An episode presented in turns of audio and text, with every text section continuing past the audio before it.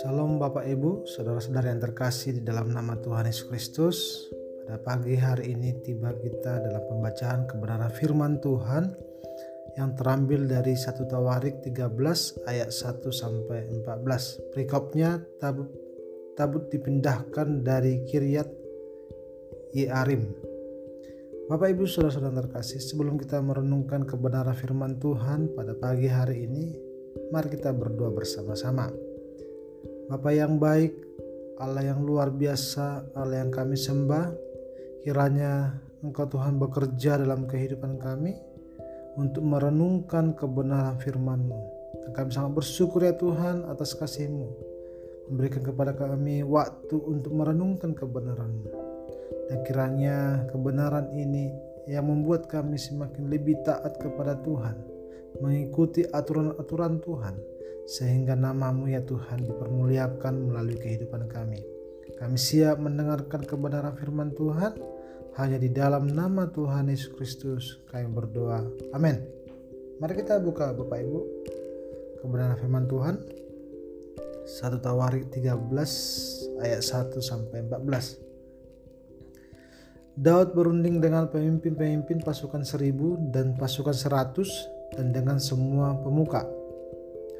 Berkatalah Daud kepada seluruh jemaah Israel, "Jika kamu anggap baik dan jika diper, diperkenankan Tuhan Allah kita, baiklah kita menyuruh orang kepada saudara-saudara kita yang masih tinggal di daerah-daerah orang Israel dan di samping itu kepada para imam dan orang-orang Lewi yang ada di kota-kota yang dikelilingi tanah penggembalaan mereka, supaya mereka berkumpul kepada kita." dan baiklah kita memindahkan tabut Allah kita ke tempat kita. Sebab pada zaman Saul kita tidak mengindahkannya. Maka seluruh jemaah itu berkata bahwa mereka akan berbuat demikian. Sebab usul itu dianggap baik oleh segenap bangsa itu Lalu Daud mengumpulkan semua orang Israel dari sungai Sikor di Mesir sampai ke jalan yang menuju Hamad untuk menjemput tabut Allah dari Kiryat Yearim. Lalu Daud dan segenap orang Israel berangkat ke Baala, ke Kiryat Yearim yang termasuk wilayah Yehuda untuk mengangkut dari sana tabut Allah yang disebut dengan nama Tuhan yang bertahta di atas kerubim. Mereka menaikkan tabut Allah itu ke dalam kereta yang baru dari rumah Abinadab. Sedang Huja dan Ahio mengantar kereta itu. Daud dan seluruh orang Israel menari-nari di hadapan Allah dengan sekuat tenaga, diiringi nyanyian kecapi, gambus, rebana, ceracap, dan nafiri. Ketika mereka sampai ke tempat pengirikan Kidon, maka Huja mengulurkan tangannya memegang tabut itu. Karena lembu-lembu itu tergelincir, maka bangkitlah murka Tuhan terhadap Uza. Lalu ia membunuh dia oleh karena Huja telah mengulurkan tangannya kepada tabut itu. Ia mati di sana di hadapan Allah. Daud menjadi marah karena Tuhan telah menyambar Huza demikian hebatnya. Maka tempat itu disebut orang Peres Huza sampai sekarang. Pada waktu itu Daud menjadi takut kepada Allah. Lalu katanya, bagaimanakah aku dapat membawa tabut Allah itu ke tempatku? Sebab itu Daud tidak mau memindahkan tabut itu ke tempatnya ke kota Daud tetapi Daud menyimpang dan membawanya ke rumah Obed Edom orang Gad itu tiga bulan lamanya tabut Allah itu tinggal pada keluarga Obed Edom di rumahnya dan Tuhan memberkati keluarga Obed Edom dan segala yang dipunyainya Bapak Ibu saudara-saudari yang terkasih di dalam nama Tuhan Yesus Kristus dalam perikop ini kita melihat tujuan Daud dalam perikop ini adalah untuk memindahkan tabu perjanjian ke Yerusalem. Hal ini dilakukan oleh Daud supaya dia memiliki banyak waktu menyembah Allah di hadiratnya. Tetapi di perjalanan ada sesuatu yang terjadi dan membuat Tuhan marah karena hujan mengulurkan tangannya ke tabut itu. Karena lembu-lembu tergelincir. Dalam bahasa Ibrani bahwa Uzza tersandung dan dia memegang tabu perjanjian muncul satu pertanyaan, mengapa tahu perjanjian dipegang Tuhan marah? dan bahkan hujah harus mati? Bagaimana menurut Bapak Ibu saudara-saudari? Terkadang terlintas dalam pikiran kita kok Tuhan sekejam itu. Tetapi Bapak Ibu kita harus melihat konteksnya. Bahwa niat baik hujah kalau dilihat tidak salah. Tapi kalau kita melihat dalam konteks ini bahwa yang berhak memindahkan tahu perjanjian adalah orang Lewi yang dikhususkan Tuhan dan ada aturan-aturan yang harus dilakukan seperti yang dikatakan dalam bilangan 4 ayat 15 bahwa orang Lewi tidak boleh memegang atau kena tangannya ke tabut perjanjian supaya mereka tidak mati. Sudah sangat jelas Bapak Ibu bahwa tangan orang Lewi atau siapa pun tidak boleh memegang tabut perjanjian.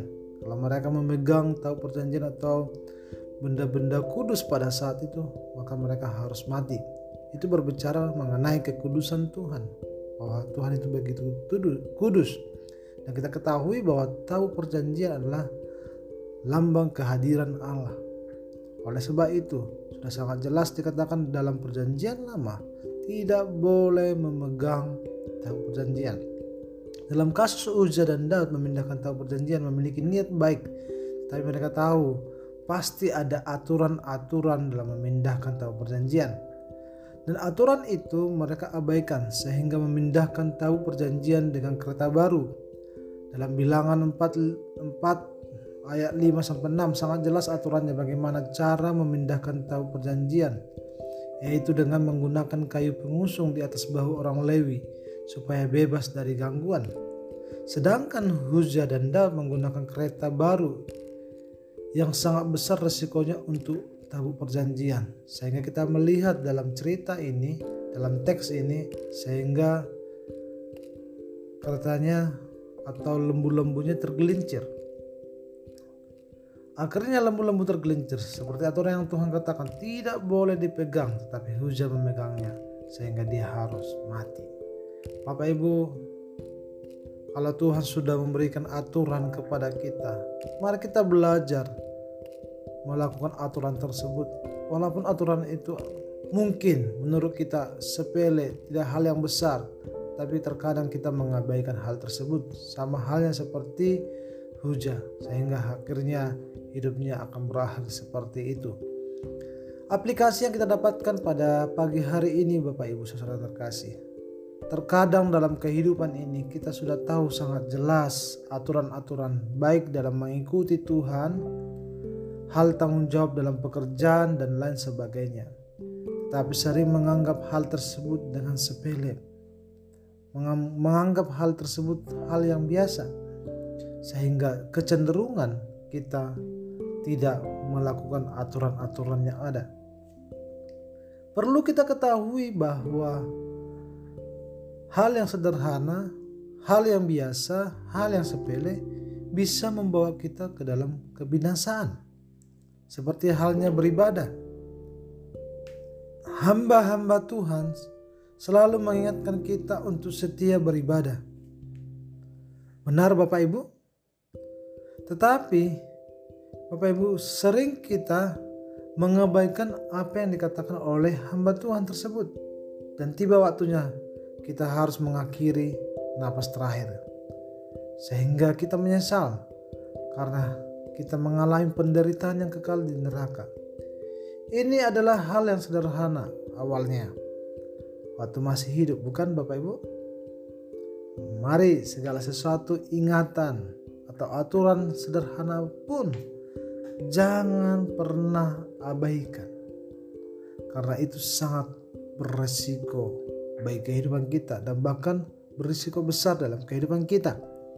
Yang kedua Bapak Ibu, Belajar memahami kebenaran-kebenaran firman Tuhan dengan baik supaya tidak tersesat di tengah jalan. Waktu jemaat Tuhan tidak mengetahui kebenaran firman yang sudah dibacakan atau direnungkan di rumah, datanglah ke hamba Tuhan untuk bertanya supaya Bapak Ibu, saudara-saudari ters tidak tersesat.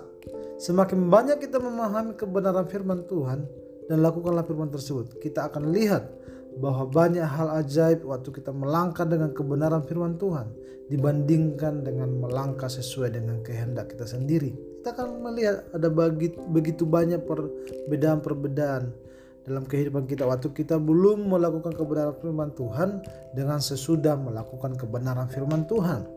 Ada begitu uh, perbuatan-perbuatan ajaib yang Tuhan lakukan. Yang ketiga, perlu adanya kepercayaan yang penuh kepada Tuhan waktu kita mulai melakukan kehendaknya. Dalam artian kita secara totalitas bergantung kepada Allah sehingga iman kita semakin bertumbuh. Kita harus berserah penuh kepada Tuhan. Waktu kita merenungkan kebenaran kebenaran firman Tuhan, mulai memahami, mulai menggali apa yang Tuhan maksud dalam kehidupan kita, perlu kita memiliki yang namanya kepercayaan yang penuh kepada Tuhan. Supaya kita jangan bimbang waktu kita melakukan apa yang Tuhan mau dalam kehidupan kita. Artinya bahwa kita pasrah kepada Tuhan waktu kita melakukan apa yang Tuhan mau. Terkadang dalam melakukan apa yang Tuhan mau kita selalu memakai logika kita.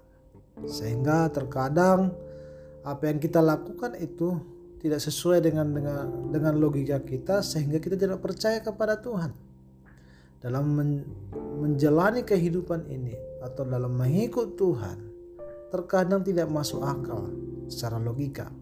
Tapi kalau itu benar-benar daripada Tuhan, kita mulai mengikuti apa yang Tuhan mau, Bapak Ibu akan melihat bahwa itu adalah sesuatu yang besar yang akan kita lihat dalam kehidupan kita. Tiga poin di atas adalah langkah-langkah untuk menyenangkan hati Tuhan.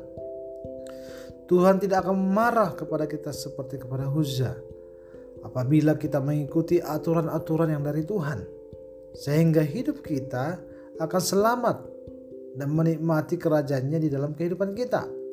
Oleh sebab itu, mulai sekarang mari mengambil langkah untuk mengikuti aturan-aturan yang sudah Tuhan perintahkan di dalam kehidupan kita. Supaya hidup kita selamat dan bahkan menerima mahkota daripadanya. Itu daripada Tuhan Yesus Kristus. Amin Bapak Ibu. Kiranya melalui kebenaran firman Tuhan yang kita dengarkan pada pagi hari ini memberikan kita motivasi untuk melakukan hal yang baik sesuai dengan aturan Allah. Amin. Dan kita tidak mengabaikan apa yang disampaikan oleh hamba Tuhan atau melalui kebenaran firman Tuhan yang disampaikan oleh hamba Tuhan, tapi kita mulai belajar mendengar, mendengar atau dengar-dengaran kepada kebenaran firman Tuhan dan melakukannya. Sehingga hidup kita akan selamat. Bapak Ibu tidak salah Bapak Ibu bekerja. Tidak salah Bapak Ibu sibuk dalam aktivitas-aktivitas lainnya. Tapi perlu kita mengetahui dalam hidup ini ada aturan. Ada begitu banyak aturan-aturan. Apa aturan dalam mengikut Tuhan, ada ada aturan juga untuk dalam pekerjaan, ada juga aturan dalam keluarga, segala sesuatu ada aturan. Oleh sebab itu Bapak Ibu Saudara-saudara terkasih, ikutilah aturan khususnya yang daripada Tuhan Yesus Kristus.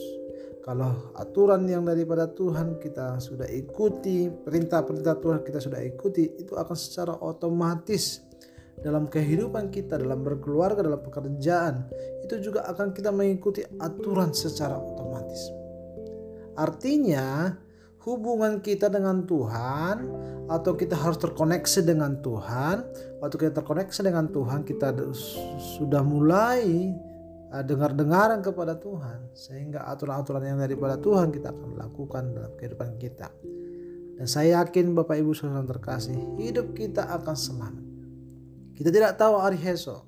Kita tidak tahu apa yang terjadi besok, minggu depan, bulan depan, tahun depan. Seperti apa hidup kita.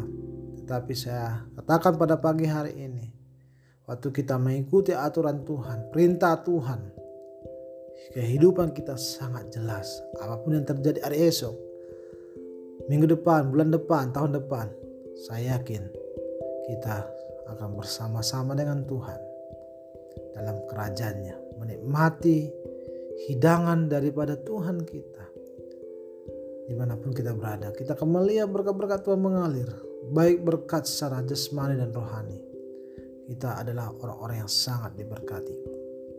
Tuhan Yesus memberkati kita, Bapak Ibu. Shalom.